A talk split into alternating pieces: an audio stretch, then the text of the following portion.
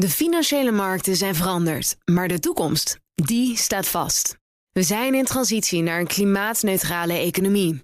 Dit biedt een van de grootste investeringskansen van onze generatie. Een kans voor u om mee te groeien met de pioniers van morgen. Meer weten? Ga naar carbonequity.com. Carbon Equity. Do good by investing better. Een goedemorgen van het FD. Ik ben Pauline Zuurster en het is dinsdag 6 september.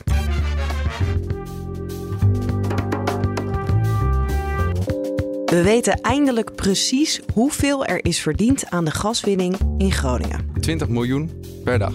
Elke dag opnieuw. Sinds het begin van de productie in juli 1963. En afgelopen week tijdens de verhoren in de parlementaire enquête kwam er ook antwoord op de vraag waarom ging de gaswinning omhoog na de zwaarste beving ooit. Wat, wat, uh, wat daar duidelijk werd, is dat, dat financiële belangen boven de veiligheidsbelangen van de Groningers uh, stonden. Dit is de dagkoers van het FD. Vandaag dus een speciale aflevering van Dagkoers over de gaswinning in Groningen en de parlementaire enquête die daar nu over wordt gehouden. Je hoort van twee van onze journalisten, Bas Knoop. Ja, ik zit op de politieke redactie uh, van het FD, dus ik kijk vooral naar de, naar de politieke hoofdrolspelers en mogelijke politieke implicaties. En Jasper Been. En ik zit op de onderzoeksredactie van het Financiële Dagblad uh, en schrijf veel over uh, gas en energie. Uh, en kom zelf uit Groningen. Dus weet wat het een en ander over de geschiedenis van, uh, van het Groningen gasveld. Dus samen uh, dachten wij dat het goed was om, uh, om dit samen op te pakken. We beginnen bij Jasper, die het precieze getal boven water heeft gekregen hoeveel er is verdiend met het Groninger veld. 20 miljoen per dag. Elke dag opnieuw. Sinds het begin van de productie in, in juli 1963. Ja. Elke dag.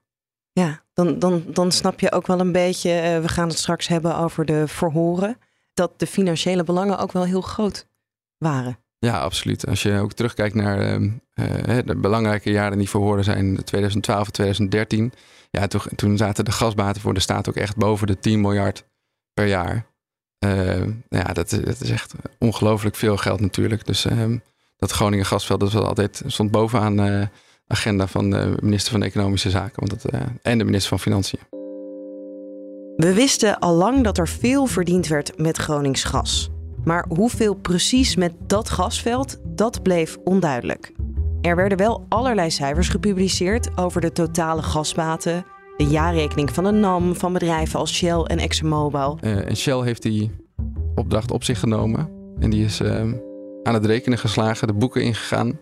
Uh, nou, en zo hebben ze een onderscheid kunnen maken in wat er eigenlijk achterbleef voor uh, de aandeelhouders van NAM, Shell en Exxon. En wat het Rijk er uiteindelijk aan verdiend heeft door belastingen, door uh, dat de statendeelnemingen in het Groningen gasveld een deel van de winst genomen hebben. En zo hebben ze een totaal bedrag gekregen. En de gaswinning in Groningen als totaal, dat is 428 miljard. Aan winst, ja. Gecorrigeerd voor inflatie? Ja, in huidige euro's. Ja, en hoeveel daarvan ging naar de staat? Uiteindelijk is dat 85% geweest al de Shell. Dus het is, uh, dat is 364 miljard euro. En dat is beduidend meer dan bij andere gasprojecten, bij gasconcessies in Nederland. Daar ligt het nou, ongeveer op de 70%. Het is ook goed geweest voor 80% van alle aardgasbaten voor de Nederlandse overheid ooit. Dus, nou, maar goed, we wisten dus niet precies wat het, wat het uiteindelijk ja, wat het uiteindelijke aantal was. En ook niet wat het percentage was wat het Rijk, als je alles onder de streep ook optelt, wat ze, wat ze gekregen hebben. En dat blijkt dus 85% te zijn. Ja. Weten we wat ermee is gedaan met het geld? Nou, de, het, het simpele antwoord is nee. Uh, het is jarenlang in de schatkist gevloeid. Er zijn economen die, die zeggen van, nou ja, in de jaren 80 uh, toen waren die gasbaten die waren echt een heel belangrijk percentage van de totale inkomsten van het Rijk. Lag het echt dik boven de 10% een aantal jaren. En dat waren ook de jaren dat, hè, de, de, dat de verzorgingsstaat in Nederland voor het eerst echt getest werd met hoge werkloosheid. En, en dat dat geld dus ook echt nodig was om al die uitkeringen te kunnen uh, doen destijds. Dus dat dat een heel belangrijk deel is geweest. En er is een bepaald percentage, het gaat om iets van 26 miljard, wat ooit niet in de, direct in de staatskas gevloeid is, maar waar ze een apart fonds voor opgericht hebben. Dat is het Fonds Economische Structuurversterking. Ja. En dat is een beetje naar Noors idee, zeg maar. Hè, van, kunnen we dat geld nou niet weghalen uit de handen van die politici en kunnen we er niet een keer nou ja, dat in een fonds stoppen en, en daadwerkelijk investeringen mee doen waar, de, waar de economie op lange termijn mee gebaat is.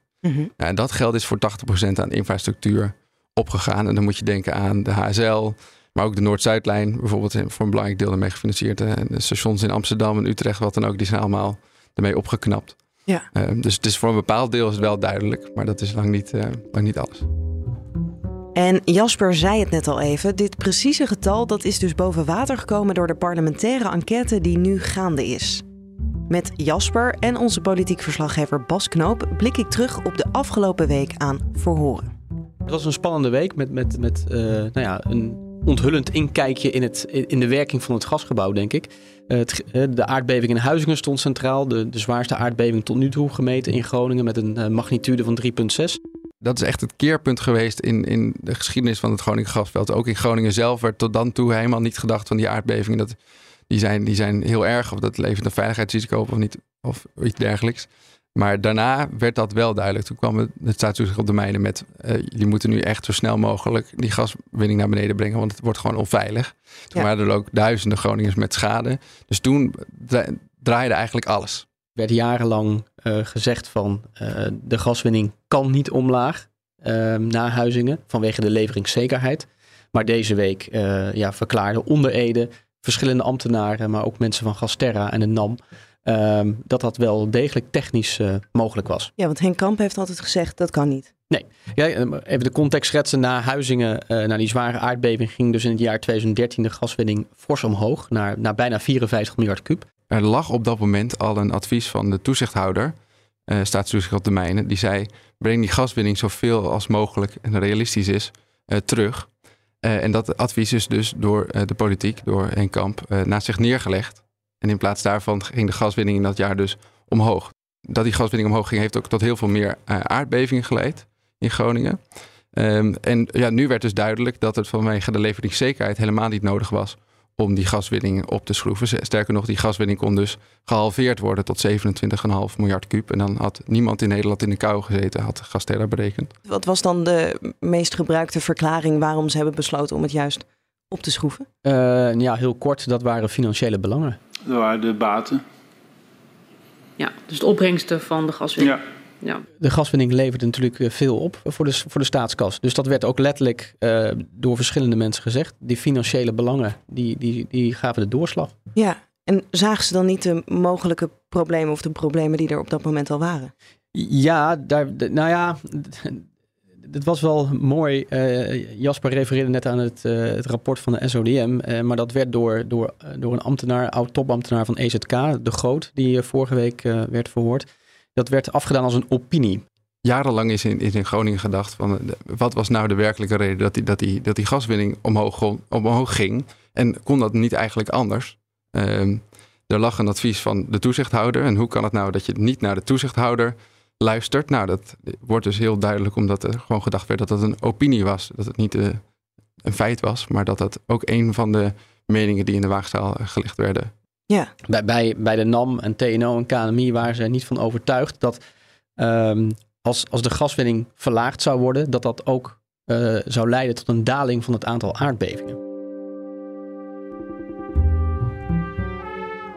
En ook interessant, uh, vorige week werd Maxime Verhagen verhoord. Die was uh, tussen 2010 en 2012 minister van Economische Zaken. En ten tijde van de beving in Huizingen al demissioneer. Ja. Na de val van, van Rutte 1. Um, in september, toen hij nog wel op zijn post zat, uh, waren er al, de, kwam de eerste analyse van, van het SODM-onderzoek al naar buiten. Maar dat advies heeft uh, Verhagen nooit bereikt. In de weken na de aardbeving start de toezichthouder, staatstoezicht op de mijnen, met een eigen analyse van de seismiciteit in Groningen. Wat krijgt u daarvan mee? Niets. U wordt daar niet over ingelicht nee. door de inspecteur-generaal der mijnen? Absoluut niet. Uh, wordt u daarover door uw ambtenaren geïnformeerd? Absoluut niet.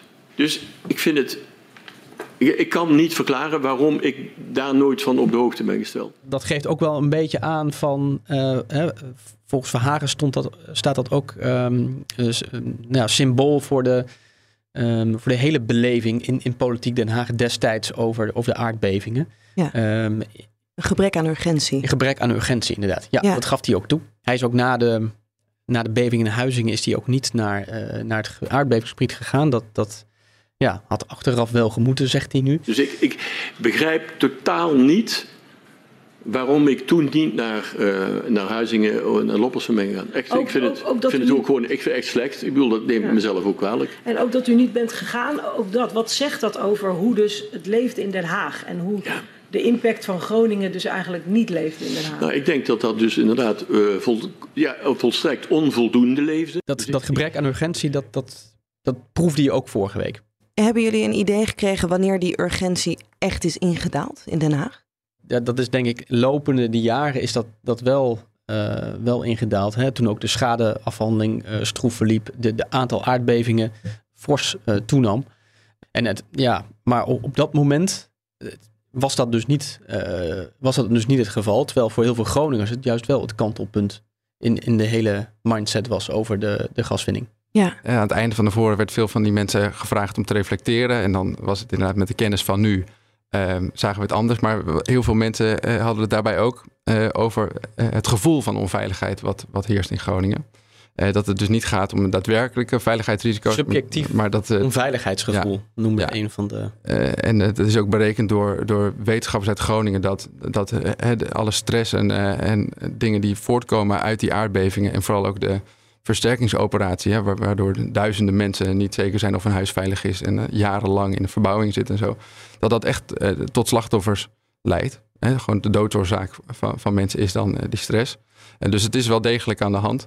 Maar eh, dat er eh, daadwerkelijk veiligheidsrisico's waren in Groningen en dat er miljarden geïnvesteerd zijn om eh, nou, het wel veilig te krijgen en dat de gaswinning beëindigd wordt, hè, wat, wat ook miljarden kost, om ervoor te zorgen dat die provincie veilig wordt, dat, dat het voor de inwoners in Groningen veilig is. Ja, dat, daar werd niet heel veel nadruk op gelegd. Dat ging toch vooral over het gevoel van, van veiligheid. Dat was wel opvallend. Misschien ook interessant in dat kader is, is Stan eh, de voormalig topambtenaar van het ministerie van Economische Zaken. En hij eh, werkte ook bij EBN en bij Gasterra. Echt in, in toprollen in, in dat Groningen gasveld.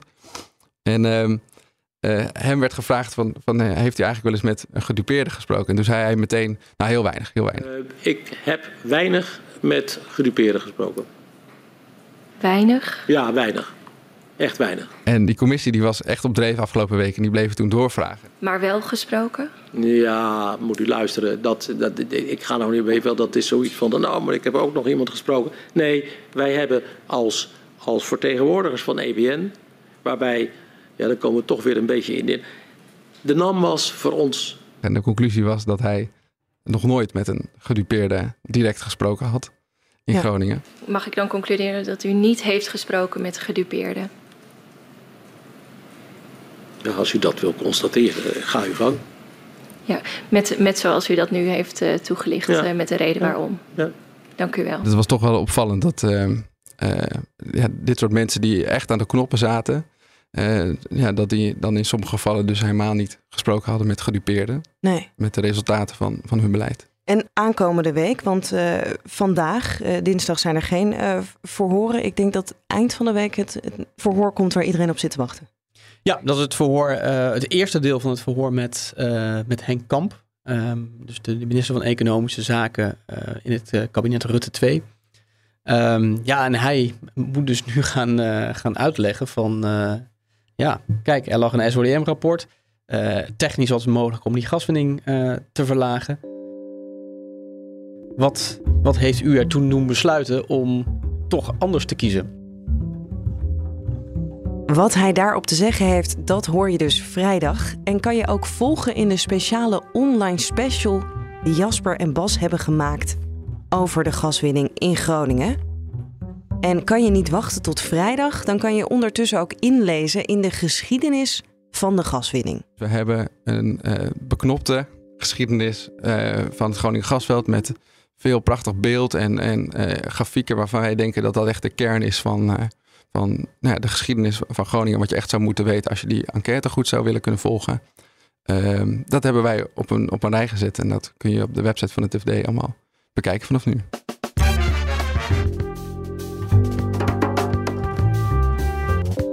Dit was de dagkoers van het FD.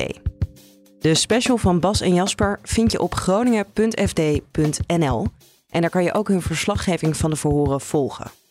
Dagkoers volg je waar je dan een podcast luistert. En het laatste financieel-economisch nieuws volg je natuurlijk op fd.nl. Voor nu een hele fijne dag en graag tot morgen. De financiële markten zijn veranderd, maar de toekomst, die staat vast. We zijn in transitie naar een klimaatneutrale economie. Dit biedt een van de grootste investeringskansen van onze generatie. Een kans voor u om mee te groeien met de pioniers van morgen. Meer weten? Ga naar carbonequity.com. Carbon Equity. Do good by investing better.